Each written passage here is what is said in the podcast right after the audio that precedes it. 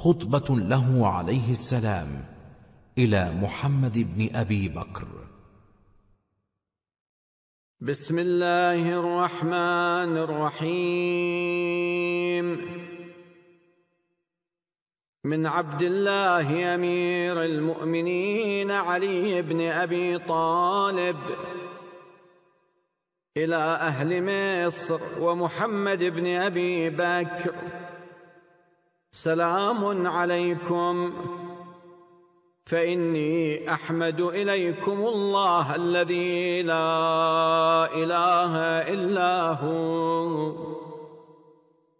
أما بعد فإني أوصيكم بتقوى الله في سركم وعلانيتكم. وعلى أي حال كنتم عليها. والعمل بما أنتم عنه مسؤولون. فأنتم به رهن وأنتم إليه صائرون. فإن الله عز وجل يقول في كتابه كل نفس بما كسبت رهينة ويقول ويحذركم الله نفسه وإلى الله المصير. ويقول فوربك لنسألنهم أجمعين عما كانوا يعملون. واعلموا أن الله تعالى ليسائلكم معشر عباده. عن الصغيرة من أعمالكم والكبيرة والظاهرة والمستورة فإن يعذب فأنتم أظلم.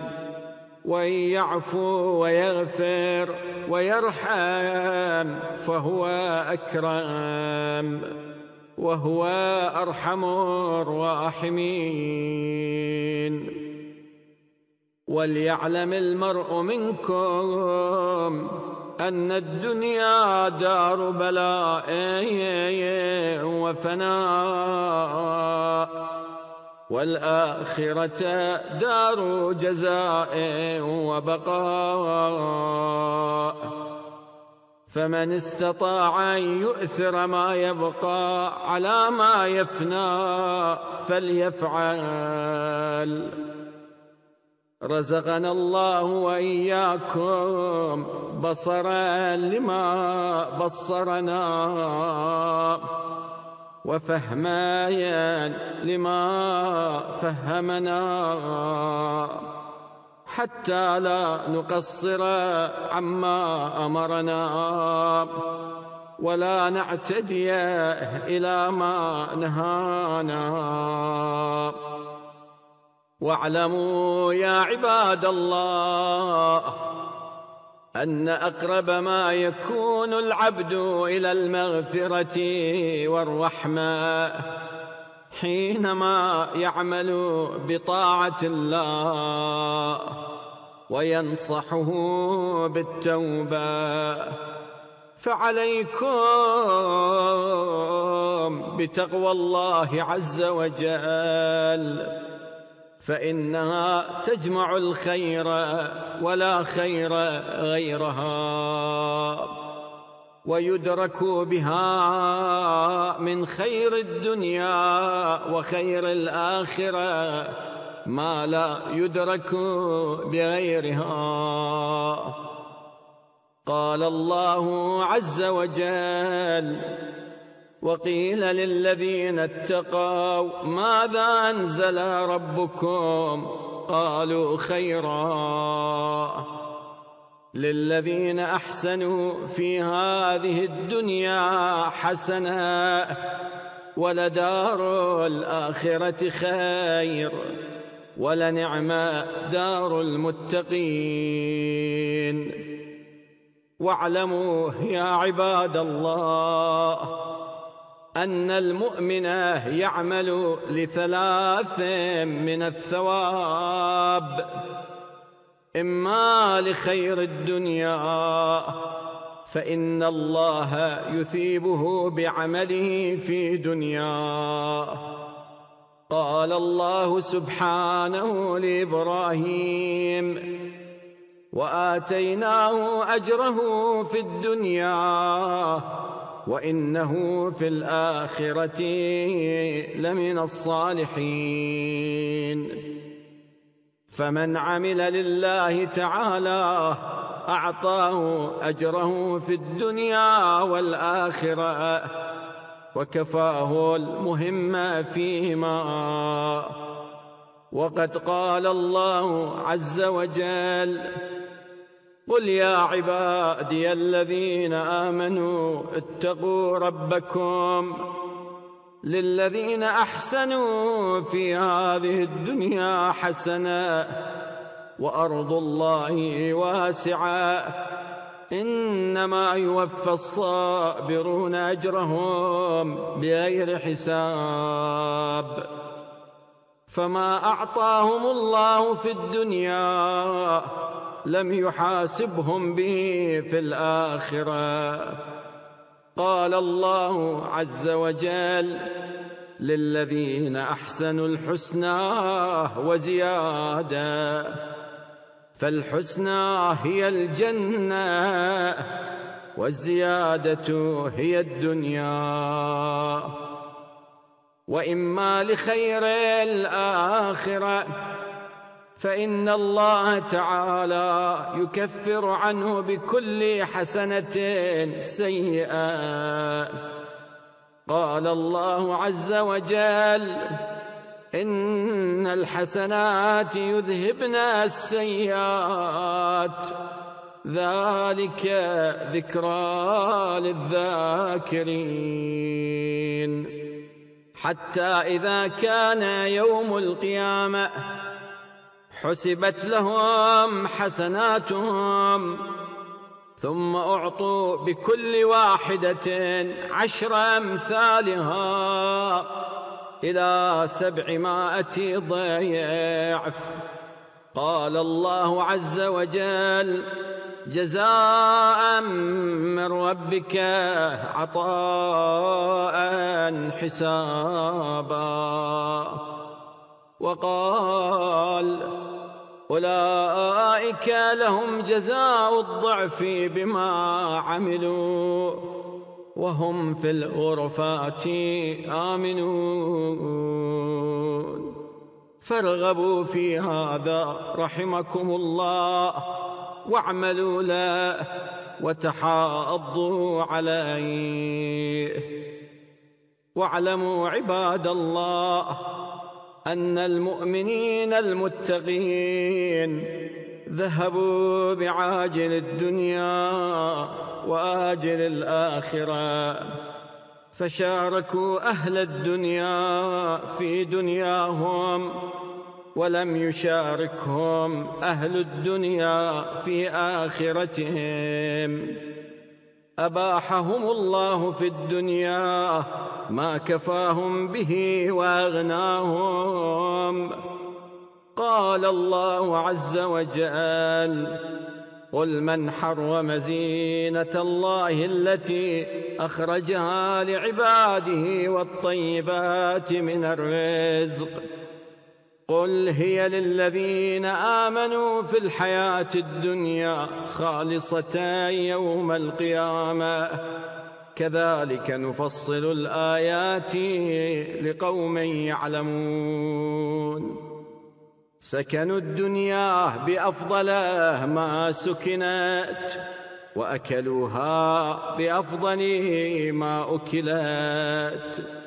شاركوا أهل الدنيا في دنياهم فأكلوا معهم من طيبات ما يأكلون وشربوا من طيبات ما يشربون ولبسوا من أفضل ما يلبسون. وسكنوا بأفضل ما يسكنون وتزوجوا بأفضل ما يتزوجون وركبوا من أفضل ما يركبون فحظوا من الدنيا بما حظي به المترفون وأخذوا منها ما أخذه الجبابرة المتكبرون. ثم انقلبوا عنها بالزاد المبلغ والمتجر المربح. أصابوا لذة أهل الدنيا في دنياهم. وتيقنوا أنهم جيران الله عز وجل غدا في آخرتهم ويتمنون عليه فيعطيهم ما يتمنون. لا ترد لهم دعوى ولا ينقص لهم نصيب من لذة. فإلى هذا يا عباد الله يشتاق من كان له عاقل ويعمل له بتقوى الله ولا حول ولا قوة إلا بالله. فإن استطعتم يا أهل مصر ولا قوة إلا بالله أن تصدق أقوالكم أفعالكم وأن يوافق سركم علانيتكم ولا تخالف ألسنتكم قلوبكم فافعلوا. عصمنا الله وإياكم بالهدى. وسلك بنا وبكم المحجة العظمى. وإياكم ودعوة الكذاب ابن هند. وتأملوا واعلموا أنه لا سواء. إمام الهدى وإمام الردى. وولي النبي عليه السلام وعدو النبي. جعلنا الله وإياكم ممن يحب ويرضى.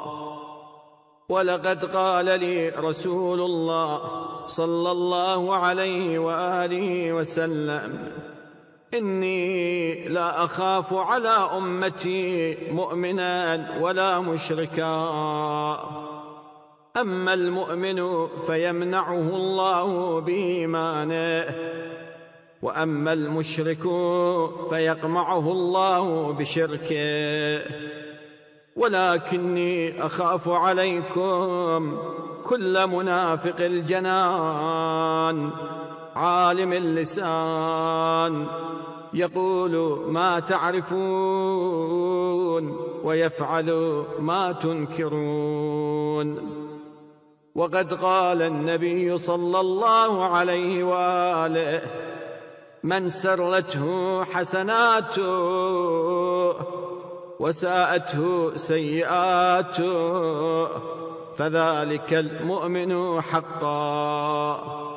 وكان يقول صلى الله عليه وآله خصلتان لا تجتمعان في منافق حسن سمتين وفقه في سنة. واعلموا يا عباد الله أنكم إذا اتقيتم ربكم وحفظتم نبيكم في أهل بيته فقد عبدتموه بأفضل ما عبد. وذكرتموه بأفضل ما ذكر وشكرتموه بأفضل ما شكر وأخذتم بأفضل الصبر وجاهدتم بأفضل الجهاد. وإن كان غيركم أطول منكم صلاة وأكثر صياما وصدقا إذ كنتم أنتم أوفى لله عز وجل منهم وأنصحوا لأولياء الله ومن هو ولي الأمر من آل رسول الله محمد صلى الله عليه وآله. واحذروا عباد الله الموت وقربه وكربه وسكرته ونزولا واعدوا له عدته فإنه يأتي بأمر عظيم وخطب جليل بخير لا يكون معه شر أبدا أو بشر لا يكون معه خير أبدا فمن أقرب إلى الجنة من عاملها ومن أقرب إلى النار من عاملها. قد انجابت السرائر لأهل البصائر ووضحت محجة الحق لخابطها. وأسفرت الساعة عن وجهها. وظهرت العلامة لمتوسمها إنه ليس أحد من الناس تفارق روحه جسده حتى يعلم إلى أي المنزلين يصير إلى الجنة أم إلى النار. أهو عدو لله. أم هو له ولي؟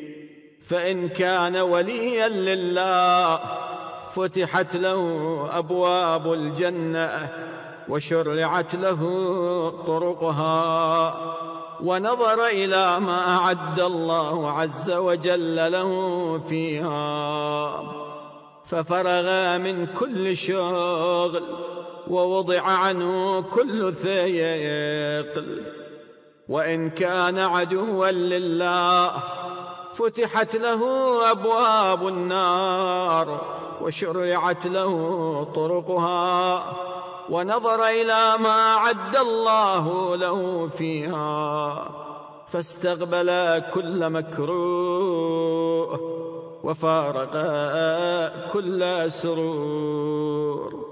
كل هذا يكون عند الموت. وعنده يكون اليقين.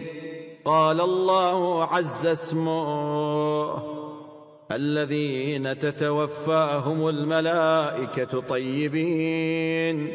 يقولون سلام عليكم ادخلوا الجنة بما كنتم تعملون.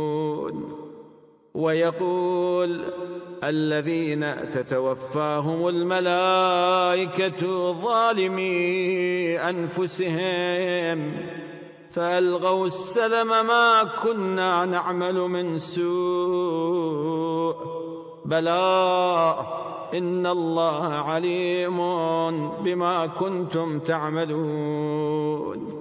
فادخلوا أبواب جهنم خالدين فيها. فلبئس مثوى المتكبرين. واعلموا يا عباد الله أن الموت ليس منه فوت.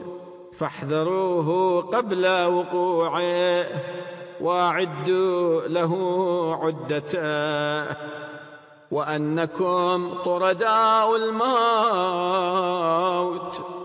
إن أقمتم له أخذكم وإن فررتم منه أدرككم وهو ألزم لكم من ظلكم. الموت معقود بنواصيكم. والدنيا تطواه من خلفكم. فالإسراع الإسراع الوحاء الوحاء النجاء النجاء. فإن وراءكم طلب حثيث.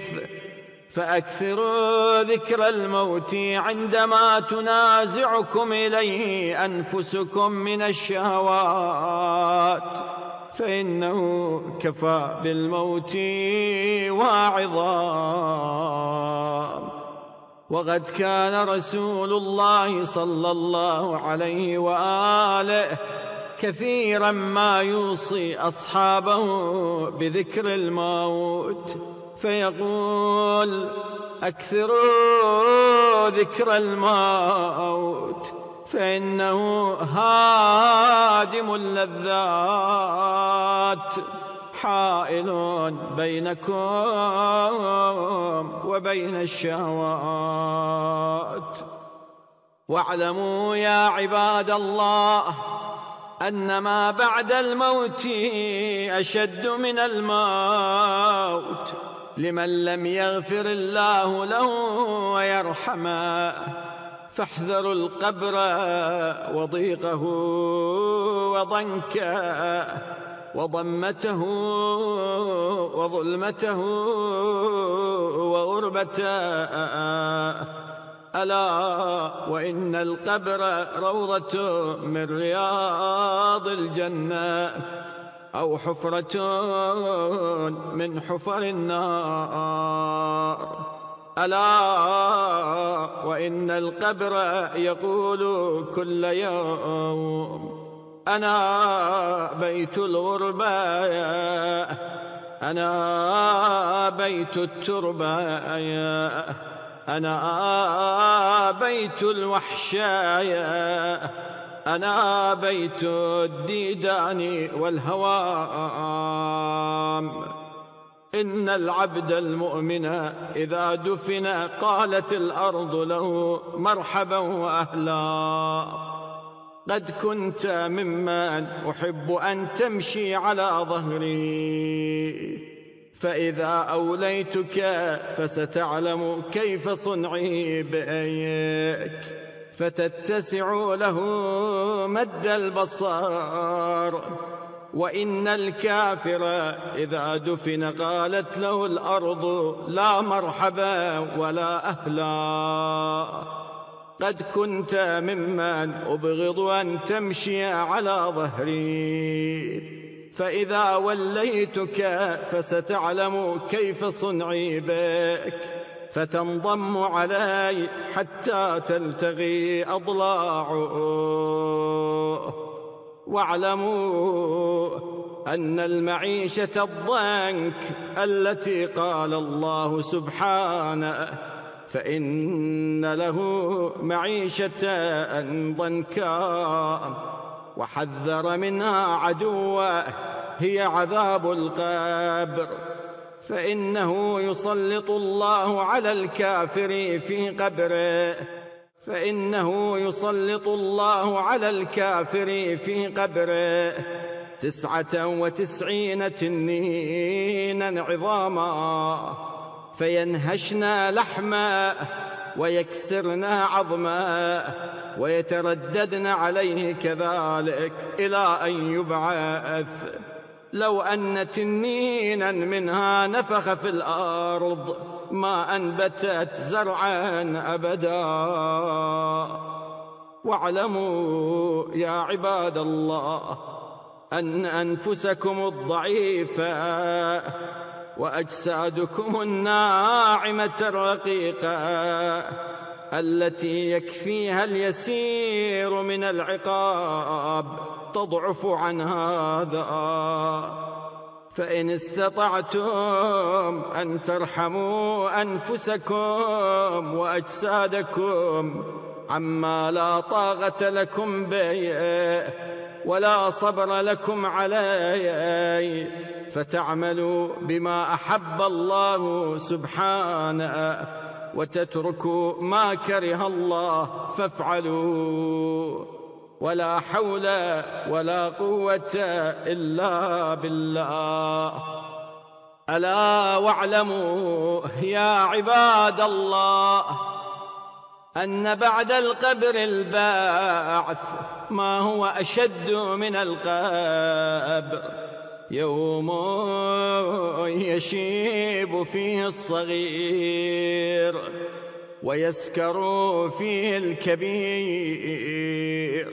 ويسقط فيه الجنين وتذهل كل مرضعة عما أرضعت وتضع كل ذات حمل حملها وترى الناس سكارى وما هم بسكارى ولكن عذاب الله شديد.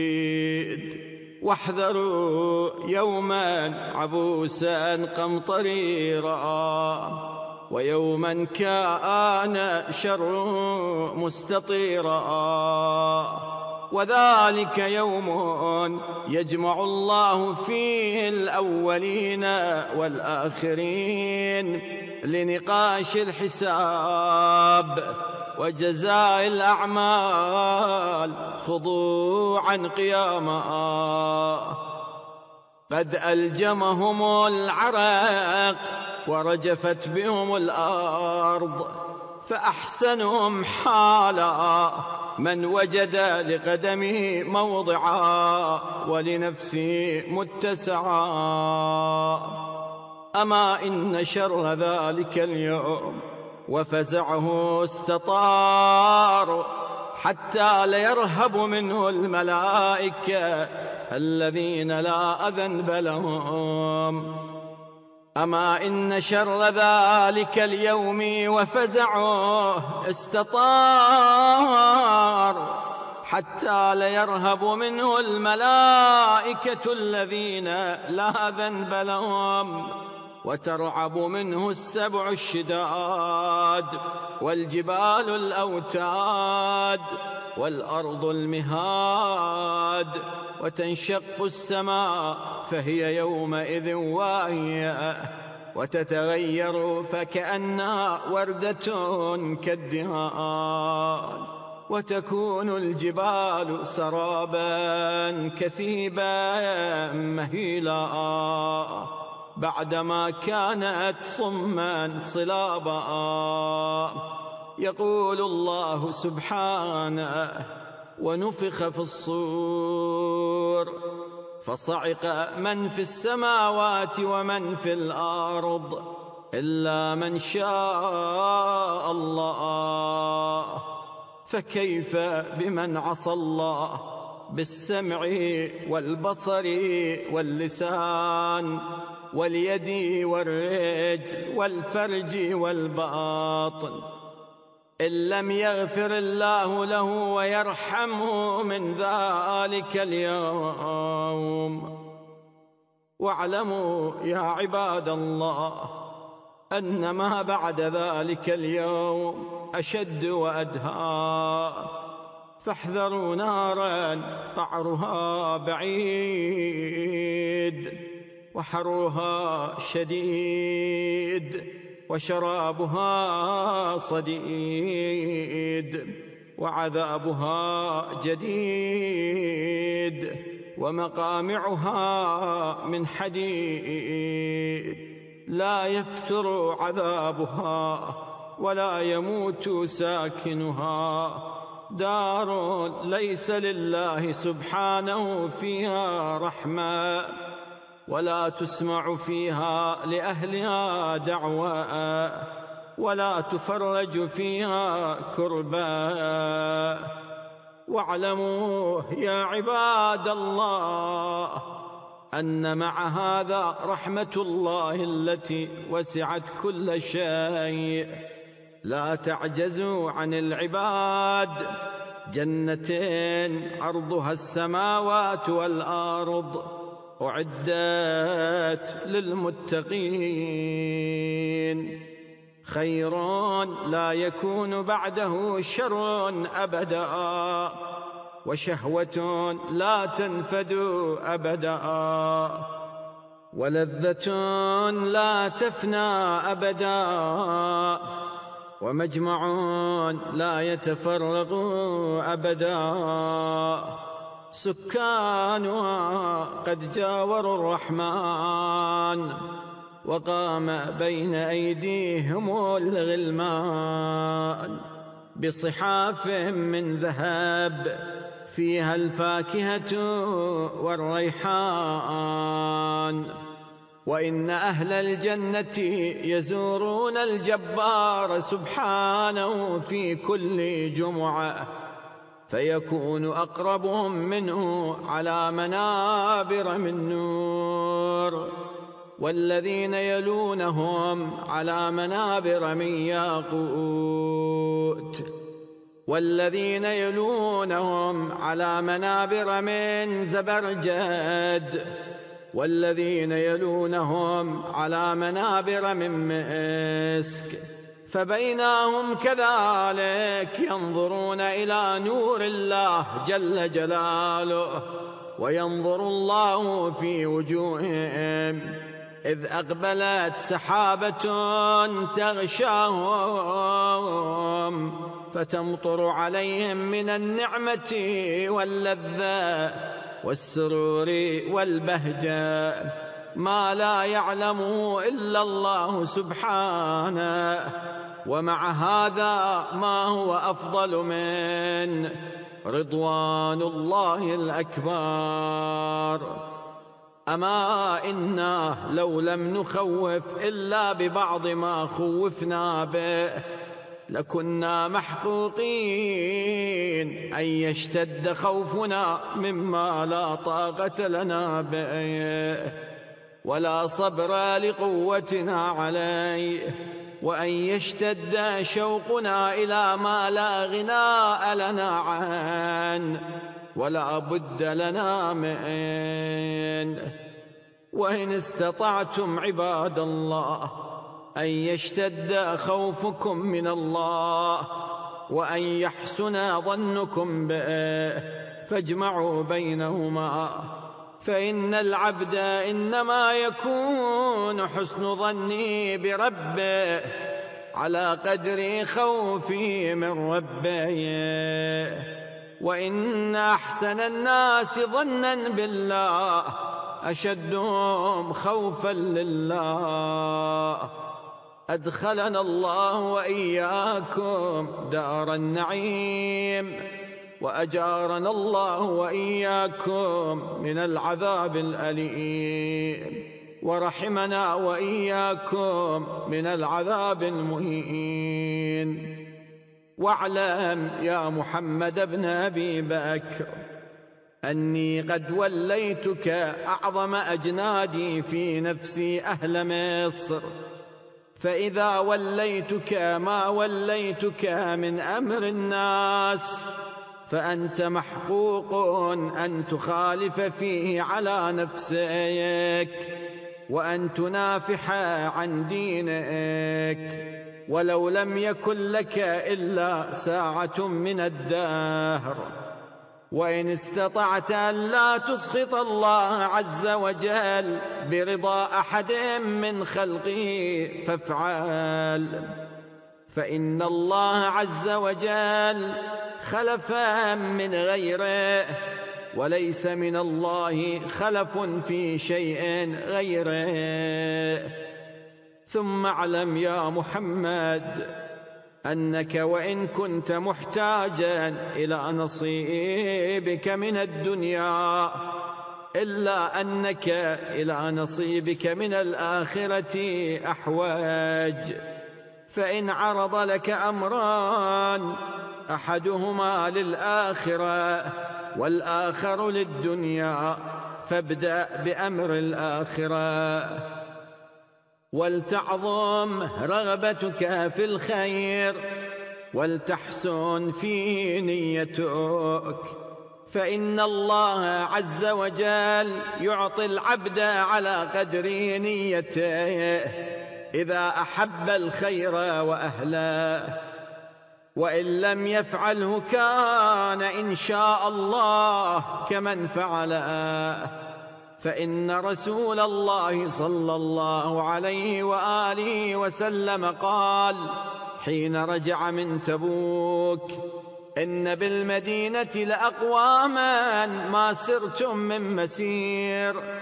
ولا هبطتم من واد إلا كانوا معكم. ما حبسهم إلا المرض. يقول كانت لهم نية. اشتد على الظالم وخذ على يديه. ولن لأهل الخير وقربهم منك واجعلهم بطانتك. وآثر الفقهاء وأهل الصدق والوفاء والحياء والورع على أهل الفجور والكذب والغدر وليكن الصالحون الأبرار إخوانك وأقرانك والفاجرون الغادرون أعداءك فإن أحب إخواني إلي أكثرهم لله ذكرا وأشدهم منه خوفا وأنا أرجو أن تكون منهم إن شاء الله. وإذا أنت قضيت بين الناس فاخفض لهم جناحك وألل لهم جانبك وابسط لهم وجهك وآسي بينهم في اللحظة والنظرة حتى لا يطمع العظماء في حيفك لهم ولا ييأس الضعفاء من عدلك عليهم. وأن تسأل المدعي البينة وعلى المدعى عليه اليمين. ومن صالح أخاه على صلح فأجزي صلحا إلا أن يكون صلحا يحرم حلالا أو يحلل حراما.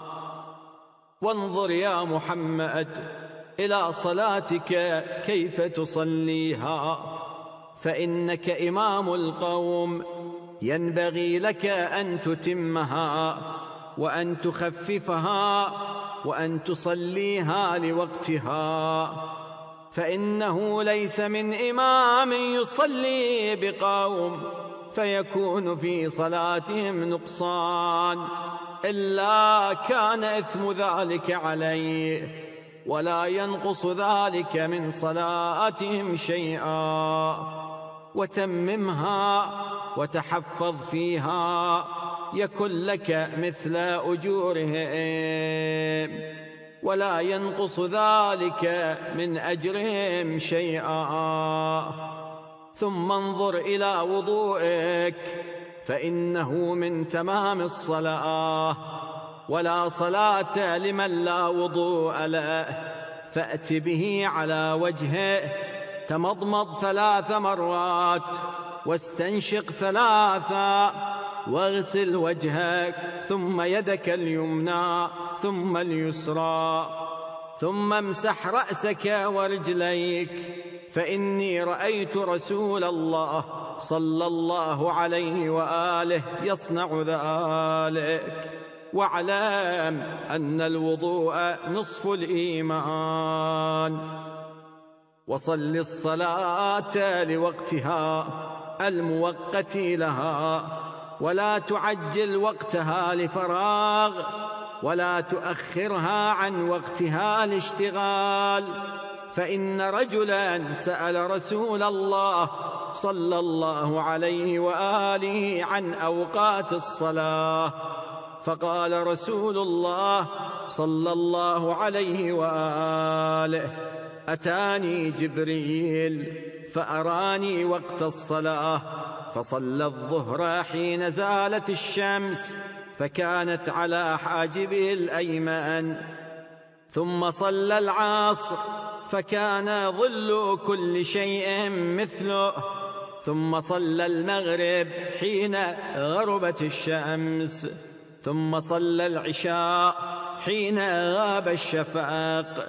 ثم صلى الصبح فغلس بها والنجوم مشتبكة كان النبي صلى الله عليه وآله كذا يصلي قبلك.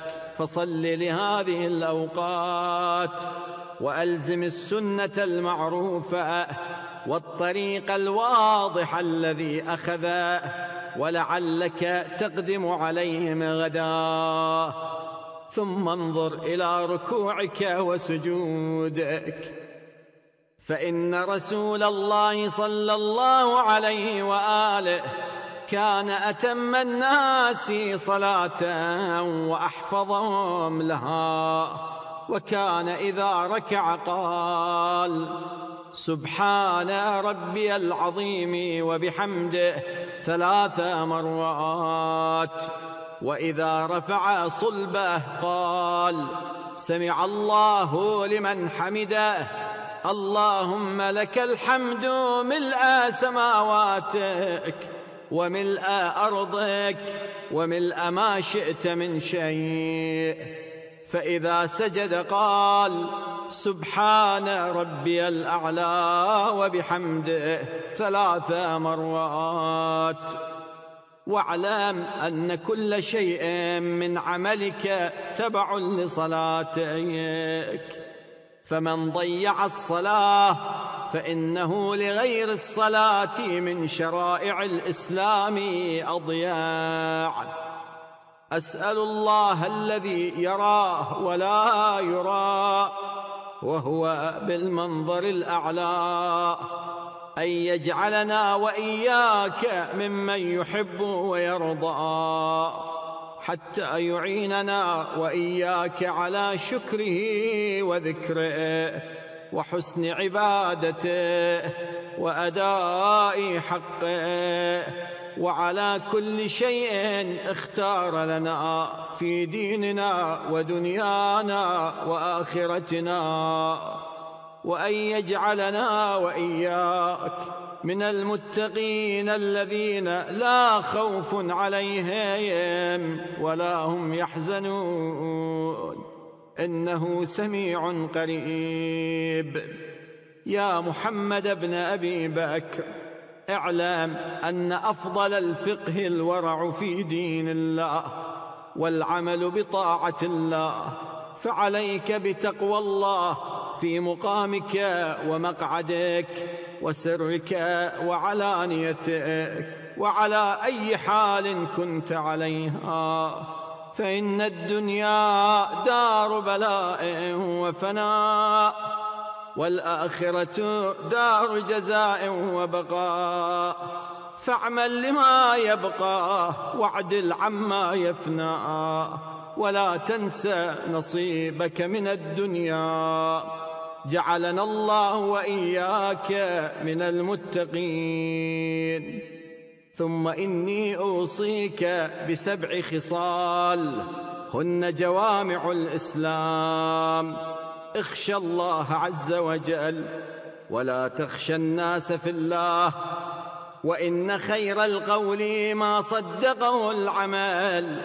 ولا تقض في أمر واحد بقضاءين مختلفين فيتناقض أمرك وتزيغ عن الحق. وأحب لعامة رعيتك ما تحب لنفسك وأهل بيتك. واكره لهم ما تكره لنفسك وأهل بيتك.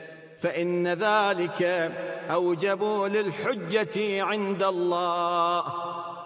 وأصلحوا لأحوال رعيتك وخض الغمرات إلى الحق ولا تخف في الله لومة لائم. وأقم وجهك وانصح المرء المسلم إذا استشارك واجعل نفسك أسوة لقريب المسلمين وبعيدهم وأمر بالمعروف وانه عن المنكر واصبر على ما أصابك إن ذلك من عزم الأمور. وعليك بالصوم وإن رسول الله صلى الله عليه وآله عكف عاما في العشر الأول من شهر رمضان. وعكف العام المقبل في العشر الأوسط. فلما كان العام الثالث رجع من بدر وقضى اعتكافه فنام ورأى في منامه ليلة القدر في العشر الأواخر. كأنه يسجد في ماء وطين. فلما استيقظ رجع من ليلته إلى أزواجه وأناس معه من أصحابه. ثم إنهم مطروا ليلة ثلاث وعشرين. فصلى النبي صلى الله عليه وآله حين أصبح. فرؤيا في وجه النبي صلى الله عليه وآله الطين. فلم يزل يعتكف في العشر الأواخر من شهر رمضان حتى توفاه الله. وقال النبي صلى الله عليه وآله من صام رمضان ثم صام ستة أيام من شوال فكأنما صام السنة جعل الله عز وجل مودتنا في الدين وخلتنا وإياكم خلة المتقين وود المخلصين وأبقى لكم طاعتكم حتى يجمعنا وإياكم بها في دار الرضوان إخوانا على سرر متقابلين إن شاء الله أحسنوا يا أهل مصر موازرة محمد أميركم. واثبتوا على طاعته تردوا حوض نبيكم صلى الله عليه وآله. أعاننا الله وإياكم على ما يرضيه والسلام عليكم ورحمة الله وبركاته.